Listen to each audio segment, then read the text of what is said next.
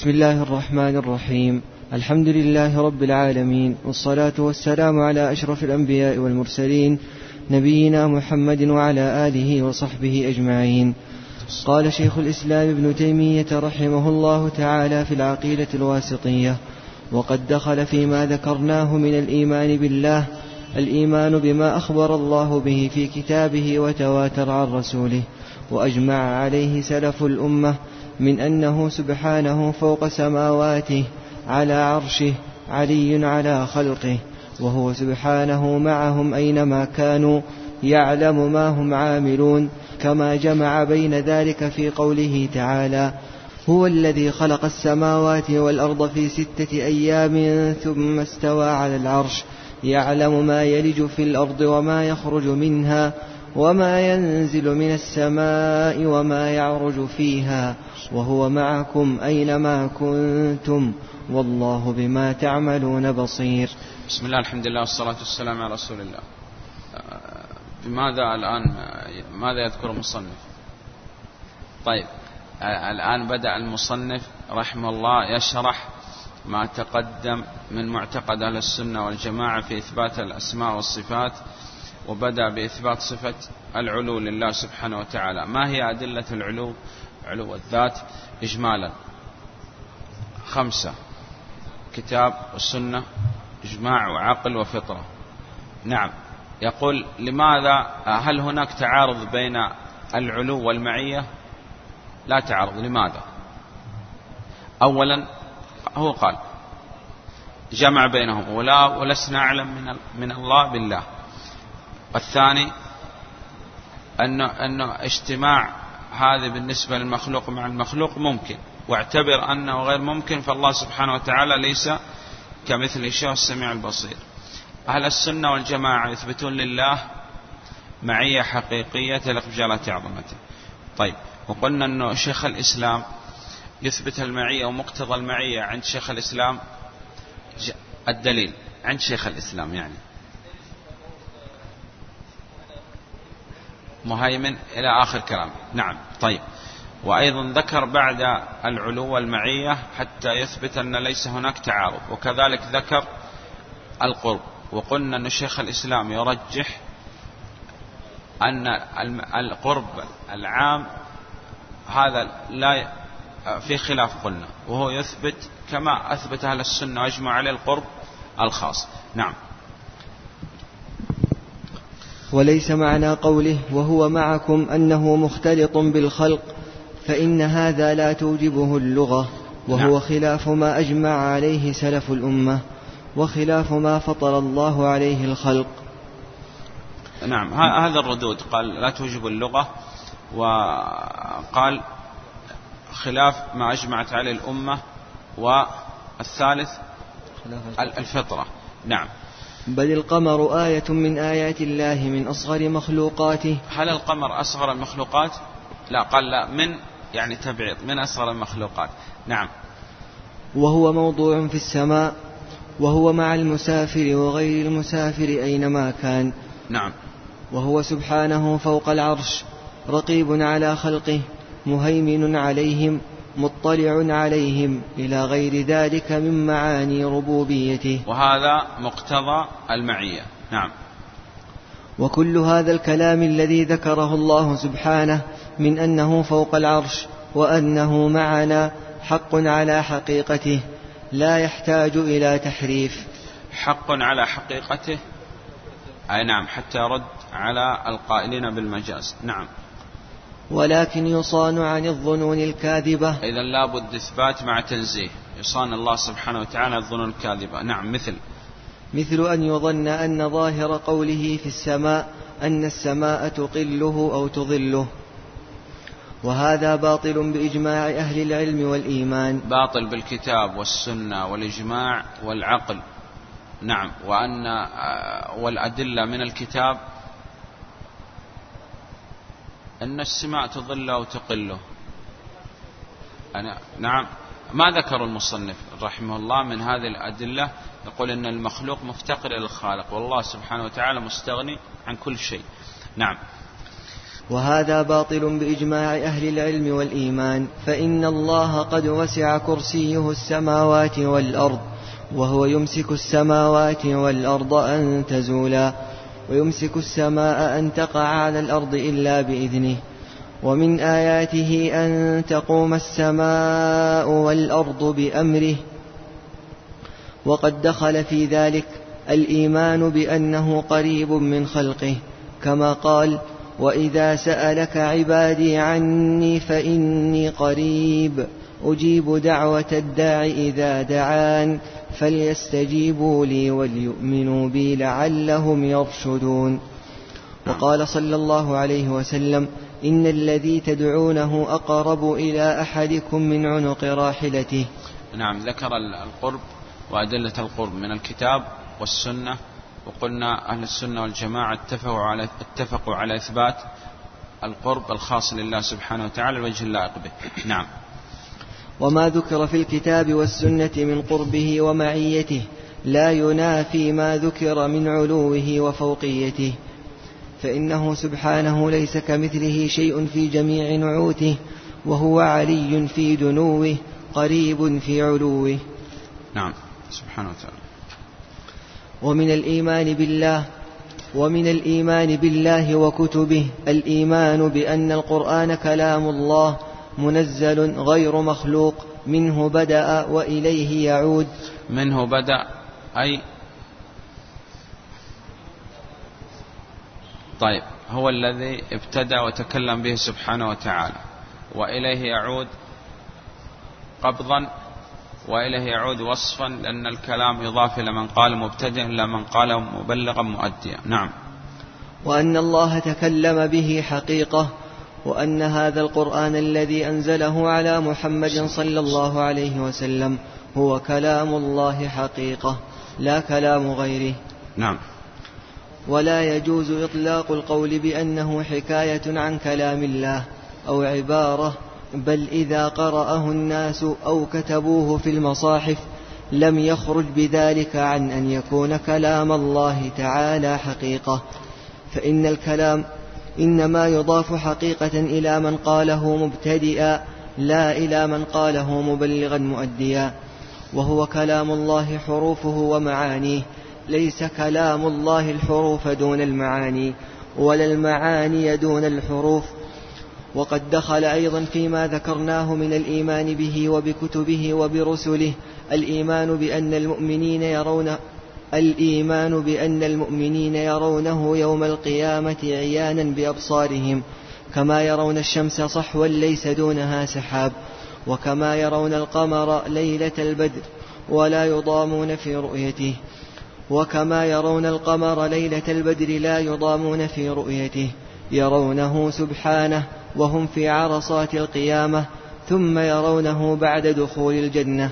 كما يشاء الله سبحانه وتعالى. نعم. قال المصنف رحمه الله تعالى ومن الإيمان باليوم الآخر الإيمان بكل ما أخبر به النبي صلى الله عليه وسلم مما يكون بعد الموت. بسم الله الحمد لله والصلاة والسلام على رسول الله. قال تقدم معنا أنه شيخ الإسلام آه، ذكر شيء آه، من شرح أركان الإيمان. وأطال المصنف رحمه الله في الإيمان باليوم الآخر لأن هناك أمور كثيرة تحت الإيمان باليوم الآخر. وأطال وقلنا أيضا حافظ بن أحمد حكمي رحمه الله في سلم الوصول أطال في هذا المبحث لأن هناك أمور لابد أن تبين للناس ويؤمنوا بها. وقال مختصر هذه العبارة التي ذكرها شيخ الإسلام يعني كل ما كان بعد الموت هو من الإيمان باليوم الآخر. البعث والنشور والجزاء والصراط والجنة والنار والشفاعة ورؤية المؤمنين لربهم وغيره. الأيام يقول أيام الإنسان خمسة. الأول أنه في العدم يوم عدمي صحيح؟ والثاني في الحمل. والثالث في الدنيا والرابع في البرزخ والخامس هذا هو اليوم الآخر لأنه آخر أيام الإنسان. إذا الأيام خمسة. قال من من الإيمان بالله لأنه تقدم معنا أن الإيمان يتضمن الإيمان بالأركان بأركان الإيمان الستة ومنها الإيمان باليوم الآخر. نعم. طيب. نعم. فيؤمنون بفتنة من أول. نعم. ومن الإيمان باليوم الآخر الإيمان بكل ما أخبر به النبي صلى الله عليه وسلم مما يكون بعد الموت. نعم مما يكون بعد موت الإنسان. ولذلك قال الشيخ بن عثيمين رحمه الله بعض العلماء يعني يجعل أشراط الساعة من الإيمان باليوم الآخر وبعضهم يقول لا هذا من الإيمان بالغيب. نعم. فيؤمنون بفتنة القبر. يؤمنون وبدأ الآن يفصل وهو يعني ما ما لم يدعي شيخ الإسلام حصر جميع الأمور التي تكون بعد الموت. لكن يذكر أشياء منها. نعم. الأول نعم. يؤمنون. فيؤمنون بفتنة القبر. طيب فيؤمنون بفتنة القبر. هذه الفتنة والامتحان والاختبار فتنة عظيمة. وبل كما قال النبي صلى الله عليه وسلم إنكم تفتنون في قبوركم مثل أو قريبا من فتنة الدجال. ونحن نعلم أن أعظم فتنة هي فتنة الدجال. وهذه لكن فتنة القبر قريب أو مثل الدجال مع أنه فتنة الدجال هي أعظم فتنة. والفتنة هي سؤال الملكين عن الأصول الثلاثة كما تقدم معنا. فإن قال الناس يفتنون في قبورهم. الناس يفتنون في قبورهم وهذا يشمل الإنس والجن. والقبر هنا يشمل سواء كان دفن الإنسان أو كان في بطون مثلا الحيتان أو السباع أو كان حرق أو كذا. المهم أنه عندما يموت لابد أن يسأل. هل هناك أناس لا يسألون ولا يفتنون في قبورهم؟ قال نعم. الأول الأنبياء والرسل عليهم الصلاة والسلام لأنه يسأل عنهم. وقال إن كان أيضا الشهداء لا يسألون ومقام النبوة أعلى من مقام الشهداء والصديقين إذا هم لا يسألون من باب أولى. إذا الأول الأنبياء والرسل عليهم الصلاة والسلام لأنه يسأل عنهم. الثاني الصديقون. قال لأنه صدقهم الله سبحانه وتعالى. والثالث قال الشهداء ولأن النبي صلى الله عليه وسلم قال كفى ببارقة السيف فتنة. وبعد هذا قال المرابطون لأن ورد فيهم حديث والخامس قال من لا عقل لهم؟ المجانين والصغار. إذا الناس يفتنون في قبورهم والناس أشمل الإنس والجن لأنهم كلفهم الله سبحانه وتعالى وما خلقت الجن والإنس إلا ليعبدوا وهناك أناس قلنا لا يفتنون في قبورهم. الأنبياء والرسل عليهم خمسة. الأنبياء والرسل عليهم الصلاة والسلام والصديقين والشهداء والمرابطين ومن لا عقل لهم الصغار والمجانين. نعم تعيد.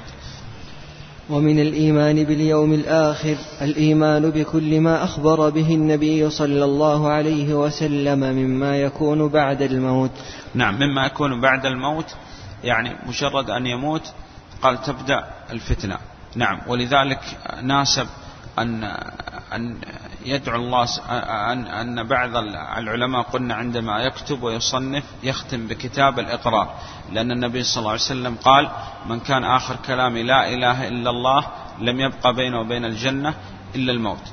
وإذا كان هذه أول منازل الآخرة أول منازل الآخرة وليس كما يقول بعض الناس انتقل إلى مثواه الأخير. انتقل إلى مثواه الأخير هذا إنكار للبعث والنشور. والله سبحانه وتعالى قال ألهاكم التكاثر حتى زرتم المقابر. ولذلك قال أعرابي ليس الزائر بمقيم. يعني إذا لابد أن يرحل من هذا المنزل إلى منزل أخير. صحيح؟ نعم.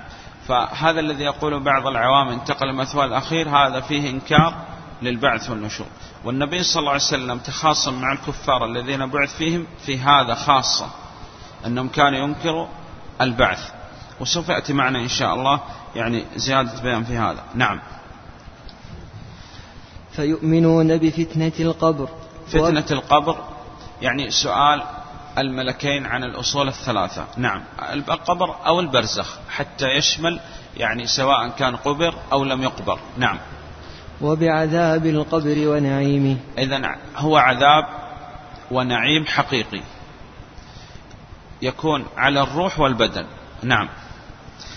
إما أن يكون نعيم دائم للموحدين أو نسأل الله السلام العافية عذاب دائم النار يعرضون عليها غدوة وعشية ويوم تقوم الساعة. أو نوع شيء من العذاب وشيء من النعيم وهذا نسأل الله السلام العافية للعصاة.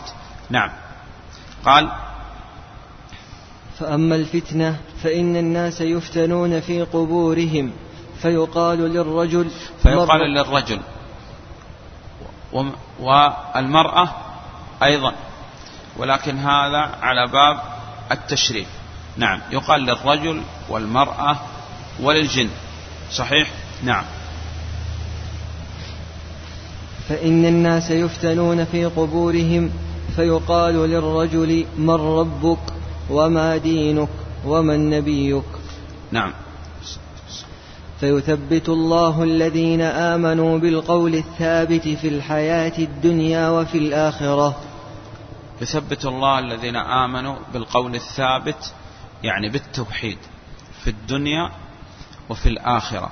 وتقدم معنا أن النبي صلى الله عليه وسلم كان يستعيذ بالله من أربع في كل صلاة قبل التسليم. يقول اللهم نعوذ بك من عذاب جهنم وعذاب القبر من فتنة المحيا وفتنة الممات. وفتنة الممات إما الفتنة عند الممات أو الفتنة بعد الممات. نعم. فيثبت الله الذين آمنوا بالقول الثابت في الحياة الدنيا وفي الآخرة فيقول المؤمن ربي الله. فيقول المؤمن يعني هذا عندما كان تعلم هذا في الدنيا ثم عمل به ثم دعا إليه ثم صبر ثبت الله سبحانه وتعالى في الدنيا وثبته في القبر وفي الآخرة. ولكن يقول الكافر والمرتاب هل الكفار يفتنون؟ ابن القيم رحمه الله يرجح أن الكفار يفتنون. المنافق نسأل الله السلامة العافية كان يعرف هذا الأمر علم في الدنيا وقيمت عليه الحجة. والله سبحانه وتعالى قال وما كنا معذبين حتى نبعث رسولا.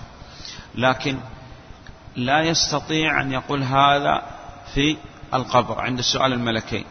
وهذا قال دليل نسأل الله السلامة العافية على الحسرة أنه يعرف شيء ولكن يحاول أن يتذكر هذا الشيء أو ينطق به ولا يستطيع. نسأل الله السلامة العافية وتقدم معنا أنه من شروط لا إله إلا الله الإخلاص والصدق. نعم. نعم. فيقول المؤمن ربي الله والإسلام ديني ومحمد صلى الله عليه وسلم نبيي. عليه الصلاة والسلام. لأنه كان يعني تعلم هذا وعمل به ودعا إليه وصبر على العلم والعمل والدعوة فالله سبحانه وتعالى ثبته في هذا الموضع. نعم. وأما المرتاب فيقول ها. المرتاب هنا على ما رجح المرتاب على ما رجح ابن القيم رحمه الله يعني الكافر والمنافق. المنافق عندنا يعني فيه اتفاق لكن الكافر ابن القيم رجح أن الكفار يفتنون. نعم. وأما المرتاب فيقول ها ها لا أدري. سمعت الناس يقولون شيئا فقلته. نسأل الله السلامة والعافية. نعم. فيضرب بمرزبة من حديد. إحنا تقدم معنا إنه هذا عذاب حقيقي على الروح والبدن. نعم. نعم. يعني قطعة من الحديد كبيرة وكذا. نعم.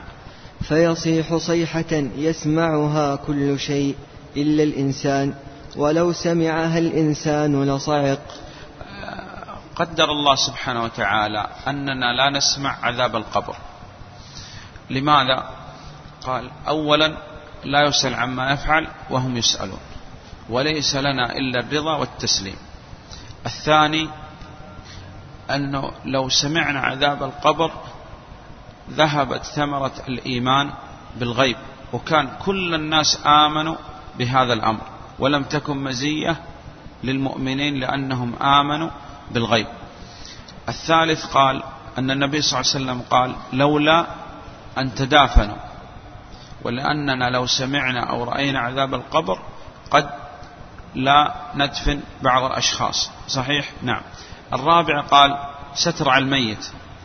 وهذا الأصل أنك تستر على الميت ولذلك الآن يعني بعض الفقهاء يستحب أنه عند تغسيل الميت وتكفينه أن يكون الضوء يعني خفيف جدا لا يكون ضوء قوي حتى إذا ظهر لا يظهر شيء من الميت والأصل الستر عليه حتى إن رأى منه شيء من سوء الخاتمة وكذا الأصل أن يستر على هذا الميت. صحيح؟ والخامس قال الستر على أهل الميت أيضا لأنه قد آه يؤذون بهذا يقول والله فلان من أقرباء فلان وكذا وكذا وكان به كذا وكذا صحيح؟ وقال فيه أيضا يعني الفضيحة لهذا الميت ولأهل هذا الميت.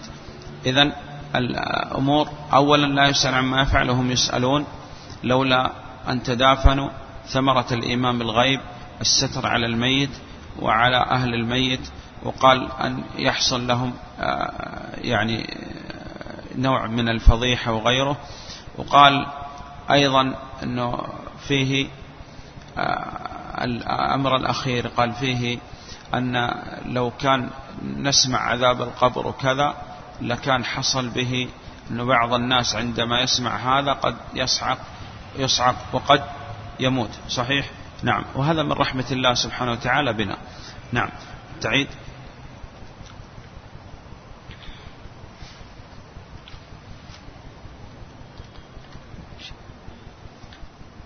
فيثبت الله الذين آمنوا بالقول الثابت في الحياة الدنيا وفي الآخرة فيقول المؤمن ربي الله والإسلام ديني ومحمد صلى الله عليه وسلم نبيي. وأما المرتاب فيقول ها ها لا أدري سمعت الناس يقولون شيئا فقلته فيضرب بمرزبة من حديد فيصيح صيحة يسمعها كل شيء إلا الإنسان ولو سمعها الإنسان لصعق. آه، يقال أنه انتقل ذهن المؤلف رحمه الله من هذا الحديث لحديث أسرعوا بالجنازة وكذا وأن الجنازة لها صوت يسمع كل شيء وأن يعني عندما يضرب يسمع من حوله. نعم. والإنسان لا يسمعها وتقدم معنا أن الله سبحانه وتعالى قدر أن الإنس لا يسمعون هذا الكلام لأمور ذكرناها. نعم. ثم بعد هذه الفتنة إما نعيم وإما عذاب إلى أن تقوم القيامة الكبرى. إذن عندنا قيامة صغرى وعندنا قيامة كبرى. آه، القيامة الكبرى سوف يتحدث عنها المصنف إن شاء الله الآن والقيامة الصغرى تكون بالموت. آه، قال التي آه، يعني أخبر عنها النبي عليه الصلاة والسلام. وتقدم معنا إما أنه في القبر نعيم دائم وهذا للمؤمنين نسأل الله يجعلنا منهم أو نسأل الله السلامة والعافية يكون عذاب دائم للكافرين وللمنافقين أو هناك شيء من العذاب وشيء من النعيم قال هذا للعصاة. نعم. ثم بعد هذه الفتنة إما نعيم وإما عذاب إلى أن تقوم القيامة الكبرى فتعاد الأرواح إلى الأجساد. تعاد الأرواح إلى الأجساد. قال هذا فيه دليل فيه يعني على ما جاء في الكتاب والسنة. كما بدأنا أول خلق نعيده. يعني هنا ليس ابتداء خلق من جديد وإنما هو إعادة للخلق كما أخبر الله سبحانه وتعالى. فتعاد الأرواح إلى الأجساد. نعم. إذا يعيدها الله سبحانه وتعالى كما كانت. آه، وضرب لنا مثلا ونسي خلقه. قال من يحيي العظام وهي رميم قل يحييها الذي أنشأها أول مرة. إذا تعاد كما كانت. والذي استطاع أن يخلق الخلق من عدم من باب أولى أن يعيدها كما كانت. نعم. تعاد الأرواح إلى الأجساد. نعم. وتقوم القيامة التي أخبر الله بها في كتابه إيه. وعلى لسان رسوله. إذا اليوم الآخر قال ثبت بالكتاب والسنة وإجماع الأمة بل بعد هذا الأمر الرابع قال الكتب السماوية كلها جاءت بهذا والخامس قال العقل. نعم لأن الله سبحانه وتعالى لم يخلق الخلق سدى خلقهم لغاية وهي العبادة. نعم ولا بد أن يكون هناك جزاء وحساب. ليجزي الذين أساءوا بما عملوا ويجزي الذين أحسنوا بالحسنى. نعم. وتقوم القيامة التي أخبر الله بها في كتابه وعلى لسان رسوله وأجمع عليها المسلمون. كتاب وسنة وإجماع وقلنا الكتب السماوية والعقل. نعم. فيقوم الناس من قبورهم لرب العالمين حفاة عراة غرلا. يقوم الناس لرب العالمين. وتقدم معنا أن سمي يوم القيامة بهذا الاسم لقيام الناس من قبورهم وقيام الأشهاد وقيام العدل. يوم يقوم الناس لرب العالمين ونضع الموازين القسط ليوم القيامة. إذا قيام العدل وقيام ويقوم الأشهاد وقيام الناس من قبورهم. نعم. إذا سمي يوم القيامة بهذا الاسم لثلاثة أمور الله أعلم. قيام الناس من قبورهم وقيام الأشهاد وقيام العدل. نعم. قال فيقوم الناس من قبورهم أو من من البرزخ كما تقدم معنا. نعم. حفاة غير منتعلين عراة غير مكتسين غرلا غير مختونين كما بدأنا أول خلق نعيده. نعم. وتدنو منهم الشمس ويلجمهم العرق. تدنو منهم الشمس ودنو الشمس منهم. قال دنو الشمس الآن لو كان في الدنيا كان يحصل به إحراق للأجساد. ولكن يعني هذا من أمر الغيب. آمنا وصدقنا وسلمنا. وتدنو منهم الشمس وقال هناك من يظلهم الله سبحانه وتعالى بظله أو بظل عرشه كما جاء في رواية. وهذا الظل أضاف الله سبحانه وتعالى لنفسه وإحنا تقدم معنا أن كل ما أضاف الله سبحانه وتعالى لنفسه ينقسم إلى قسمين إضافة أعيان وإضافة أوصاف. فالظل عين مستقلة منفصلة عن الله فهي فهي إضافة أعيان ولا أوصاف؟ إضافة أعيان. بل جاء في حديث سبعة يظلهم الله سبحانه وتعالى في ظل عرشه. نعم. إذا تدنو منهم الشمس هناك من يظلهم الله سبحانه وتعالى في ظل عرشه وهم الذين ذكرهم النبي صلى الله عليه وسلم السبع الذين يظلهم الله سبحانه. تدنو منهم الشمس إذا هذا دنو الشمس وجاء في رواية مقدار ميل. نعم. إذا تكون قريبة جدا. نعم. قال والجمهم العرق وإلجاما. الجمهم العرق الجاما يعني هذا هذا حال بعض الناس. وبعضهم قال من يكون ما يكون العرق إلى حقويه ولا ترقوته وإلى ركبتيه وكذا. نعم. كيف؟ الله أعلم. آمنا وصدقنا وسلمنا. ولأن بعض العلماء يقول أنه يعني من يلجمهم العرق الجاما يكون في موضع ومن يكون إلى ركبتيه وإلى نصفه وكذا يكون في موضع وموضع وكذا. قال هذه أمور لم ترد عن عن النبي صلى الله عليه وسلم. يعني لم ترد في الكتاب والسنة. فلا يعني يخاض في هذا الأمر يقول الشيخ بن عثيمين والأصل أننا هذا أمر غيبي. والأصل نقول آمنا وصدقنا وسلمنا. نعم. فتنصب الموازين. تنصب الموازين. وهذا فيه آه، إجماع أهل السنة والجماعة أنها موازين حقيقية.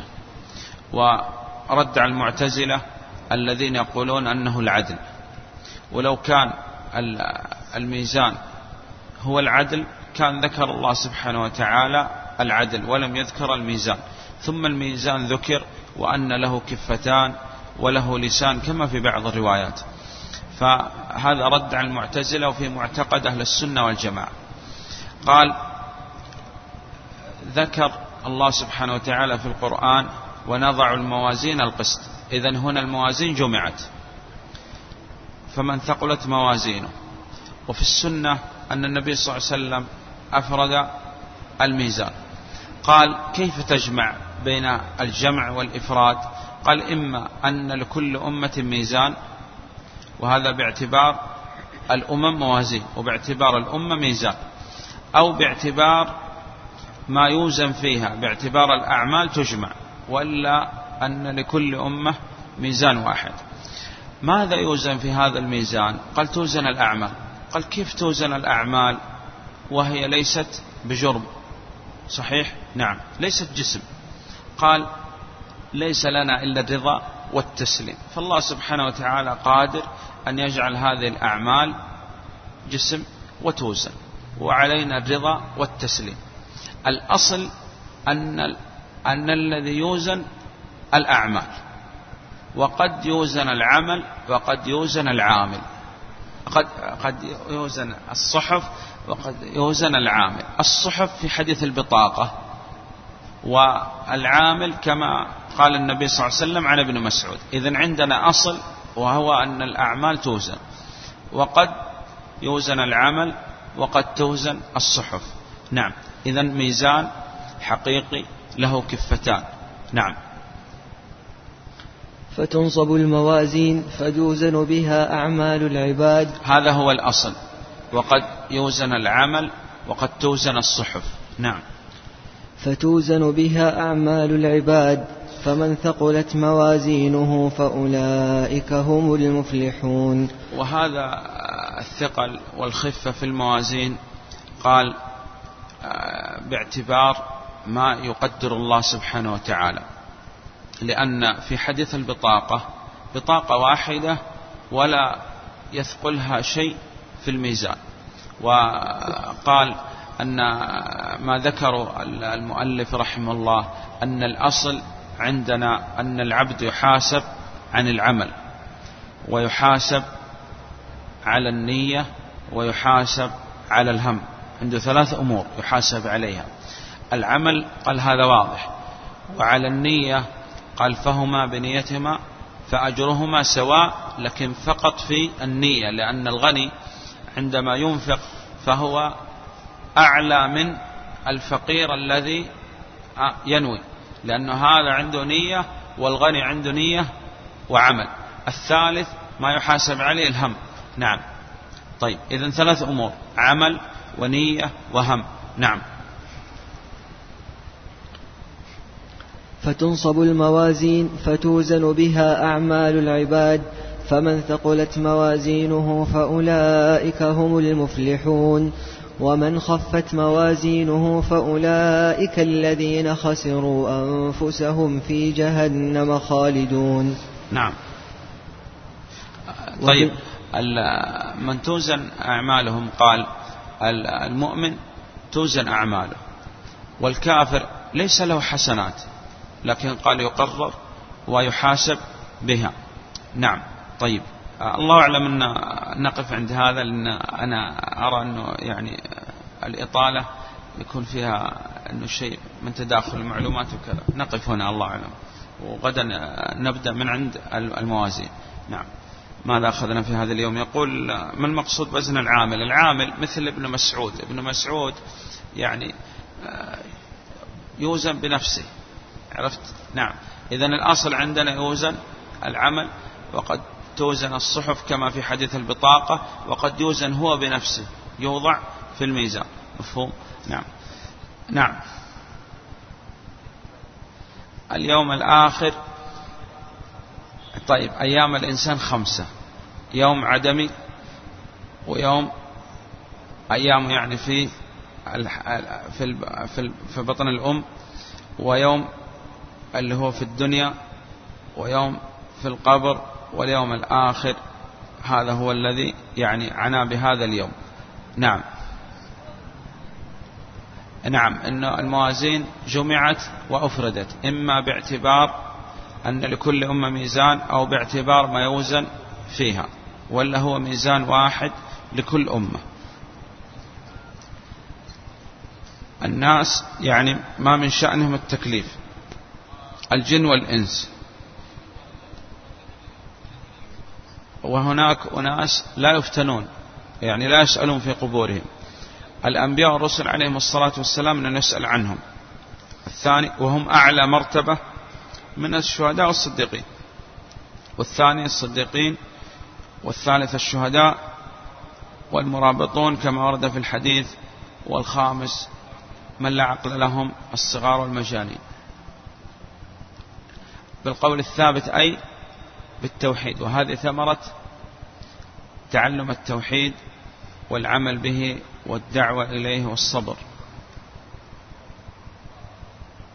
نعم. هل يفتنون أم لا؟ قلنا ابن القيم يرجح أنهم يفتنون. نعم. ما يكون بعد الموت. وهذا إجمال ثم بعده ذكر التفصيل.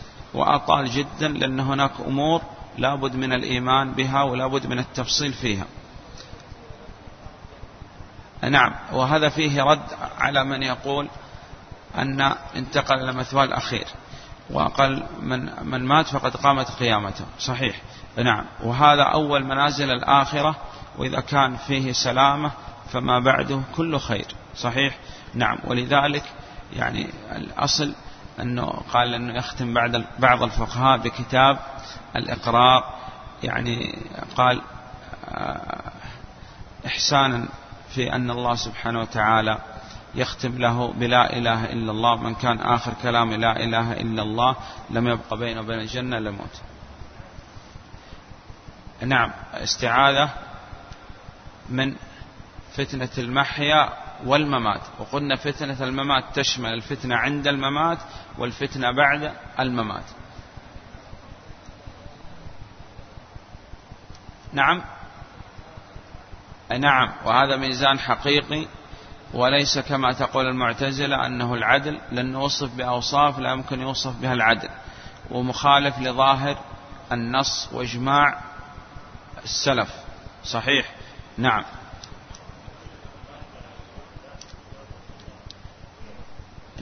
الكتاب والسنة والإجماع والكتب السماوية والعقل. على ماذا؟ أي نعم. وهذا يعني كانت فيه خصومة بين النبي صلى الله عليه وسلم. زعم الذين كفروا أن لن يبعثوا فأمر الله سبحانه وتعالى النبي صلى الله عليه وسلم أن يقسم على البعث وهو صادق عليه الصلاة والسلام بلا قسم لكن أراد الله سبحانه وتعالى أن يؤكد هذا الأمر. قل بلى وربي لتبعثن ثم لتنبؤن بما عملتم وذلك على الله يسير لأن الذي استطاع أن يخلق الخلق من عدم من باب أولى أن يعيده كما كان. كما بدأنا أول خلق نعيده ولذلك قال إعادة الخلق لا من جديد خلق من جديد. نعم. المرتاب إما المرتاب عندنا المنافق. وابن القيم يقول أيضا أن الكفار يفتنون. نعم. نعم. عندنا قيامة كبرى وعندنا قيامة صغرى. القيامة الكبرى آه، تأتي معنا إن شاء الله. آه، ذكرناها. والقيامة الصغرى تكون بالموت يعني في البرزخ. نعم. آه، نعم. الظل هذا عين منفصلة عن الله سبحانه وتعالى مخلوقة.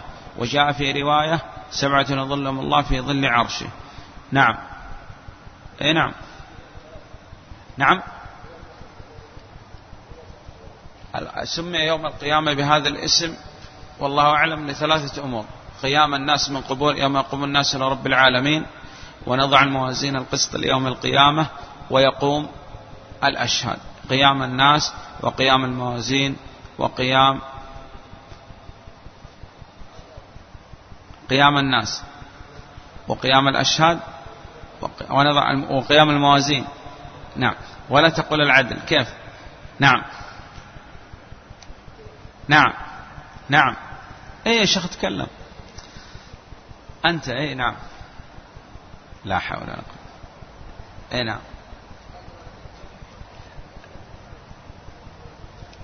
ونضع الموازين القسط. وأفردت في السنة. نعم.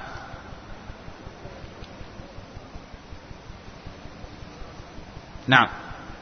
إما باعتبار أن لكل أمة ميزان أو باعتبار ما يوزن فيها من الأعمال. نعم. يقال للرجل وكذلك للمرأة وكذلك للجن. صحيح؟ نعم.